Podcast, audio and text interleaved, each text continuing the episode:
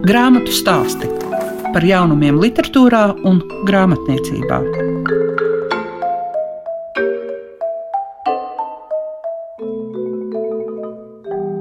Visu aprili grāmatu stāsti runāja par Latvijas literatūras gada balvas 2022 nominantiem.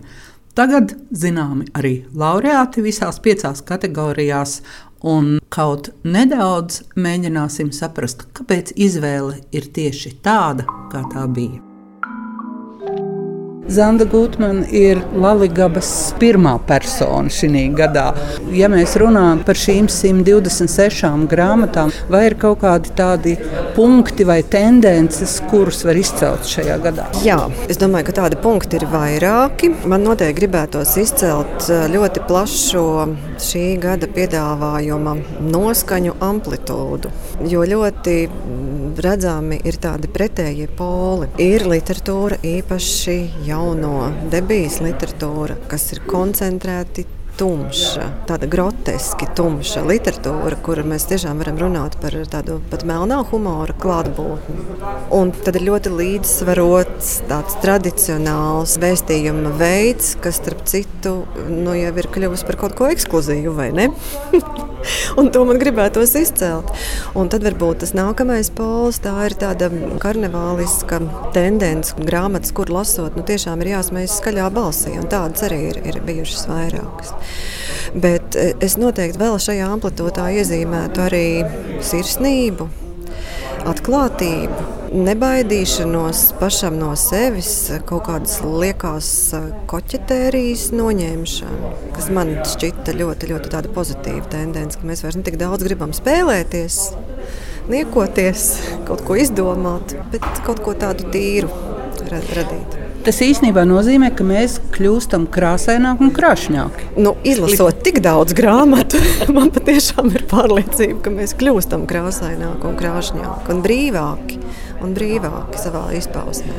Es vēl gribētu par mūža balvu par mūža balvu. Jā, cieņas un, un, un godā apliecinājums cieņa Dainai Avotiņai. Man šķiet viens kārtīgs latviešu literatūras darba rūķis, ja tā drīkst izteikties, jo cilvēks, kurš ir godprātīgi darījis savu darbu visu mūža garumā un, un patiesībā jā, vairākās jomās, viņas devums ir ļoti, ļoti paliekošs un ļoti nozīmīgs. Nu, viens ir tas, ka padomu laikā avotiņas dzēja ir bijusi ļoti mīlēta un populāra. Otrs ir tas, kas varbūt pamanīts pēc zināma laika, proti tas, cik daudz mēs esam lietuviešu kultūru iepazinuši tieši pateicoties Nēnas um, avotiņas darbībai. Un trešā joma, kas man šķiet ļoti svarīga, arī viņas darbošanās, um, nezinu, dzējas tradīcijas attīstībā kopumā. Gan dzējas dienu organizēšana, gan arī tāds darbs, kurš varbūt ir palicis nu, kaut kur fonā, kaut kur ēnā. Mm, arī tas, ka aizmirsts, aizmirsts jā, un, un to gribējās izcelt tās patiešām ir tādas, mēs nedrīkstam to aizmirst. Ir tāda sava laika migla, kad mēs kaut ko neredzam, un kādreiz mēs kaut ko aizmirstam uz diezgan ilgu laiku. Ir labi, ja mēs paskatāmies atkārtot ar svaigām acīm vēlreiz un, un ieraugām to vērtību, kura ir kādu laiku varbūt nepelnīta aizmirst. Grāmatu stāsti programmā Klasika. Līdzās piecām kategorijām un mūža balvas laureātei Dainai Avotiņai bija arī divas spēcbalvas par pasaules literatūras kultūras un mākslas vēsturē būtisku tekstu aktualizēšanu izdevumā Manifests no futurisma līdz mūsdienām balvu saņēma Artis Ostups. Savukārt par Latvijas literatūras popularizēšanu ārvalstīs un nozīmīgu ieguldījumu latviešu autoru darbu tulkošanā itāļu valodā spēcbalvu saņēma tulkotāja Margarita Carbonāro. Bet lasītāju balva šogad tika noteikta sadarbībā ar sabiedrisko mēdīju portālu LSM, un balsojuma rezultātā lasītāju balvu saņēma Lauris Gunders par romānu Svešam kļūt, jeb stāsts par Gunāru A. Klausīsimies, kā grāmatu raksturo Andra Manfelde, šī gada ekspertu komisijas pārstāve. Man pārsteidz tiešām, ka es raudāšu pie Laura Gundara grāmatas. To jau es varu atklāt. Tā ļoti oriģināls veids, kā viņš izstāsta. Parasti, ja ir mums zināms autoritīvs cilvēks, varonis, tad iznāk kaut kāds slavinājums vai tāds varoņa epas. Bet šī grāmata varbūt nav par Gunāru Astru, bet drīzāk par viņu laiku un, un patiešām tādu īsto varoņdarbu. Ja tas īstais varoņdarbs izrādās notiek tādā lielā klusumā un vientulībā, ne jau citādi. Un un arī lielās nodevības notiek tikai mazā tajā kompromisā. Un šīs bija ļoti liels tēmas, ko pilnīgi varētu būt bez kaut kādas pretenzijas, ambīcijas, krāšņuma, bet arī izspēlēt šī dramaturgi. Lauris Gundars tiešām izdarījis ļoti interesantu, lielisku darbu. Orģināla literatūras darbs bērniem par labāko tika atzīts dzēju prozas darbs Ūdenstornis, ko radījusi Lotte Vilma Vītiņa. Nominācijā Labākais orģināla literatūras darbs bērniem nominantu vidū bija arī Luīza Pastore, kura teica, ka Lotte Vilma Vītiņa radījusi darbu, par kuru mēs neiedomājāmies, ka mums tas ir nepieciešams. Bet tagad pievēršamies debijai. Un par spilgtāko debiju tika atzīta Anna Belkovska ar savu dzīslu krājumu Veranda. Vai pirms gada bija tāda sajūta, ka varētu būt nominācija Latvijā un arī dzējoļu krājums? Tagad man ir jādomā, vai pirms gada vispār es domāju, ka grāmata būs jau tagad. Man šķiet, ka man piedāvāja Valters viņu izdot pēdējā vasarā, kas nozīmē, ka pirms gada grāmatas iecer vēl nemaz neeksistēja. Līdz ar to es arī vēl nedomāju par iespēju saņemt balvu.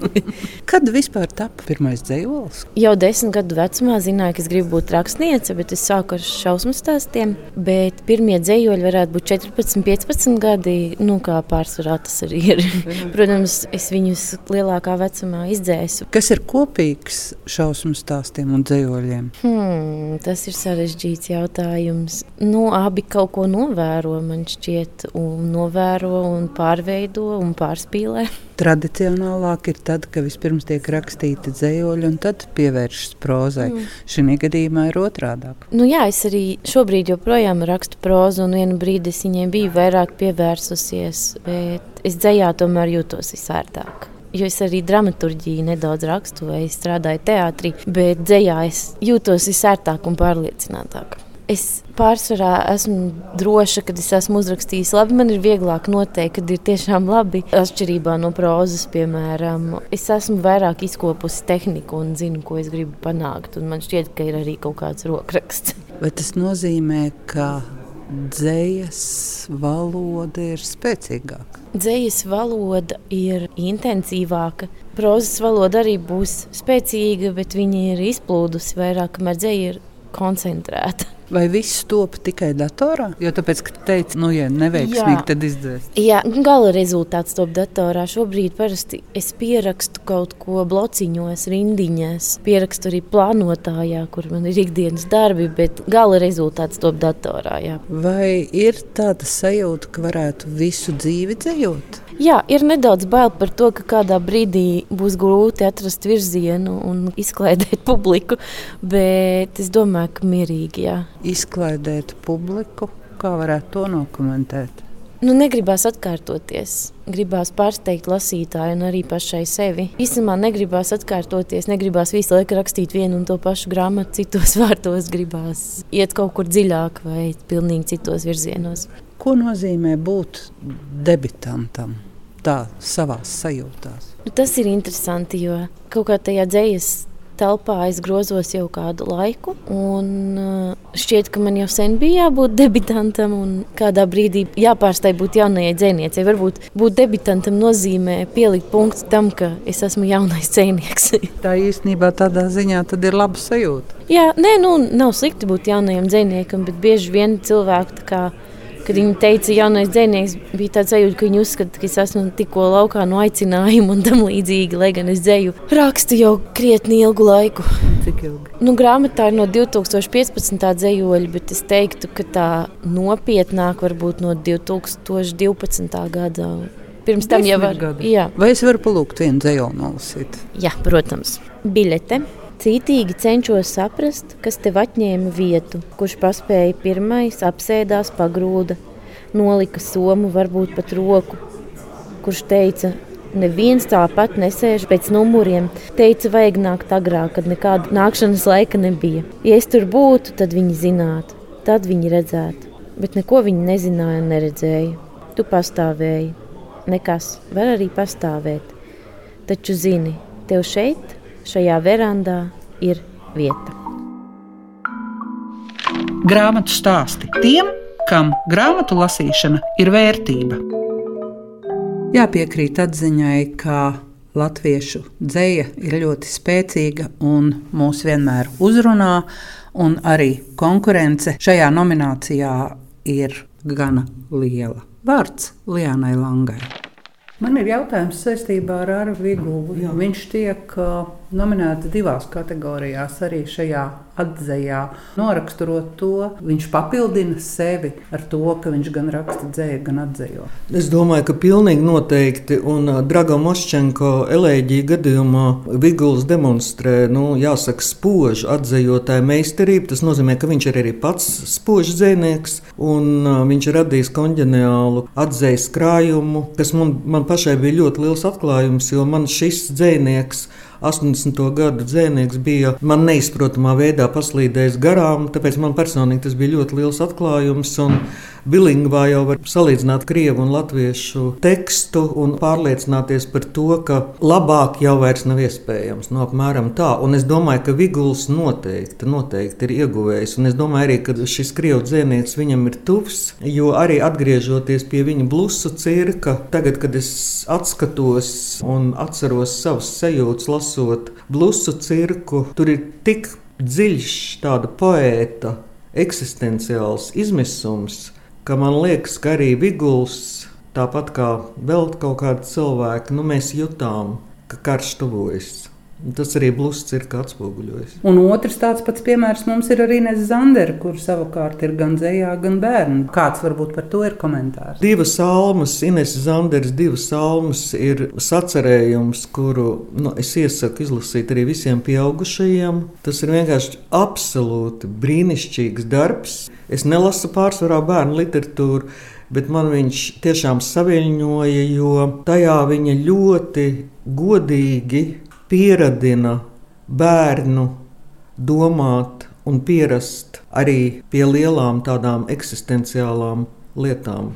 Pietuvo bērnu arī vēlēnām, teiksim tā, bet dara to ārkārtīgi smalki, ārkārtīgi smalkjūtīgi, tiešām ļoti jūtīgi un ļoti augstā rakstnieciskā kvalitātē. Tūlīt pat varēsiet dzirdēt Inesu Zanderi, kuras dzējoļu krājums mantojums tika atzīts par labāko nominācijā labākais dzējas darbs.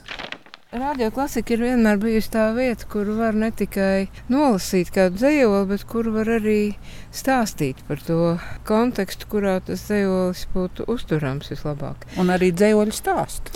Jā, tādu dzējoļu tapšanas stāstu un komentēt dzējoli, jo es vispār esmu pati no tiem cilvēkiem, kas grāmatās lasīšanu parasti sāk ar to, kas rakstīts maziem burtiņiem lapus apakšā vai vispār komentāros grāmatas beigās. Man tas ļoti, ļoti interesē vienmēr. Un, protams, Protams, es eh, ticu, ka var arī dzējojus noteikti lasīt to nezināmo, uztverot tā ornamentāli. Nezinu, kas notika, un pēkšņi es uzrakstīju tādu dzējoju ciklu draudzenes, kas sastāv šobrīd no sešiem dzējoļiem, un, un nepārprotami tur ir runa par skolas laika meiteņu draudzību. Kāpēc? Un vai tas man tagad ir tā kā bērniem, vai kā mēs es vispār gudīgi sakot, vēl neesmu sapratusi. Tā bija viena konfekte. Tu pirmā nokodi pusi un sniedzi man otru, zeltītā papīriņā. Saula iedegās logā, un acīm žilpstot mēs zobenus sakrustojām. Savu pusi es norīju veselu, steidzoties aplēzīt pirkstus, kamēr tu nepārdomā. Tā bija tikai viena konfekte, kas nozīmēja, mēs abas esam noburtas zelta bruņās, un mūsu solis pie klases vidējā loga tagad ir neieņemams. Spēlēsim mājās. Man būtu pazemes māja, to sargātu kurmju armija, un, ja tu nāktu pa eju, man tūlīt ziņotu sliekas. Es pateiktu zemesvēzim, lai aizslēdz viņš durvis cieši. un tu netiktu iekšā. Nemūžam tu netiktu iekšā. Man būtu vasaras māja, zili zaļa kā stikla burka, un gar logiem tu spindzēdama kā lapsene skrietu un skrietu, bet veltīgi meklētu durvis un atsistos, atsistos stiklā no jūlija melnajiem ķiršiem. Es sulu sev vienai lietu. Pat ja sagrūtu pazemes ejas un šķindot saplīstu stikli, man būtu vēl tūkstoši māju, bet nevienā tev nebūtu vietas. Atpakaļ bērnībā, durvis ciet, atpakaļ bērnībā, mājas, mājas tik skaistas, cita par citu skaistākas, bet nevienā, nevienā pašā es tevi neielaistu. Mana draudzene, melnais bruņinieks, pārvērties ienaidniekā. Tagad mēs spēlēsim tādās mājās, bez piedošanas un prieka. Grāmatu stāsti programmā Klasika. Nominācijā labākais prozas darbs balvu saņēma Svena Kusmina romāns Dizāžio. To raksturos Andra Manfelde. Andra Manfelde ir um, šī gada Latvijas literatūras gada balvas komisijā. Cik grāmatas tad tu kopā esi izlasījis? Gan arī visas. Nu, es nevarēju latviešu izlasīt, es nepārvaldu, bet uh, lielāko daļu tulkojumiem, ko es uh, lasīju un sapratu, ka nu, latviešu ķerās, un tas tālāk nelasīju.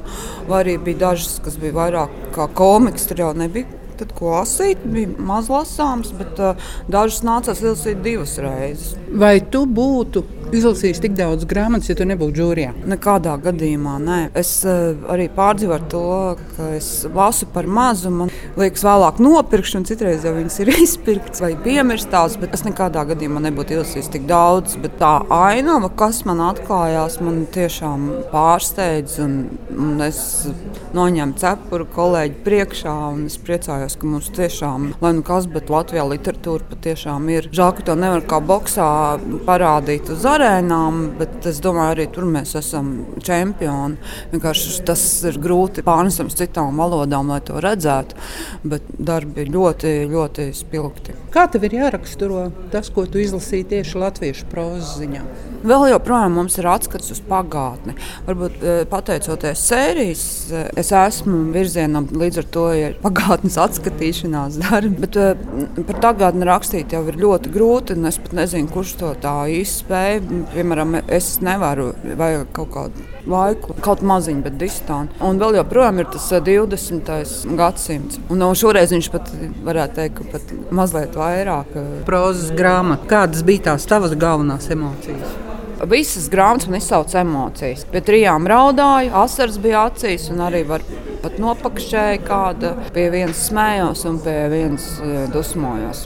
Spilgti. Pirms sāku vērtēt, man bija divi tādi uzstādījumi, ka es nevērtēšu cilvēku personību, un es nevērtēšu saturu. Ir dažādi uzskati, bet literatūra nav stāsts par saturu. Tas nav nekāds pamflets. Visvērtīgākais ir kā tu pasaki jāsaka, godīgi, divās, trijās reizēs man tomēr bija tā, ka man pamežģījās mazliet tas vērtējums, jo gribējās cilvēcīgi izcelt. Svens Kusmins. Ļoti smieklīgi, nevis pat smieklīgi, arī izbalansē starp, eh, starp smiešanos un starp traģēdiju. Un es esmu cilvēks no provinces, arī, kurš ir gribējis būt mākslinieks, kurš ir izglītojies. Varbūt ne tik daudz kritis savulaik bohēmā, ja, bet tur ir tas traģiskais un ir tas kultūras slānis, tā pašā laikā smieklīgi un beigās sanāk aizkustinoši. Un tas viss tādā stihijā, vai tad Latvijā, kura pilsēta nav Hohma? Visas. Nu jā, šī gadījumā pareizais grāmatas nosaukums ir Dizāžio. Jā, bet tas jau vēl par uh, Hohmu vēl, jau, vēl joprojām jā. turpinās. Jāsaka, ka Svena Kusmina romāna Dizāžio atzīšana par labāko prozas darbu personīgi mani ir samulsinājusi.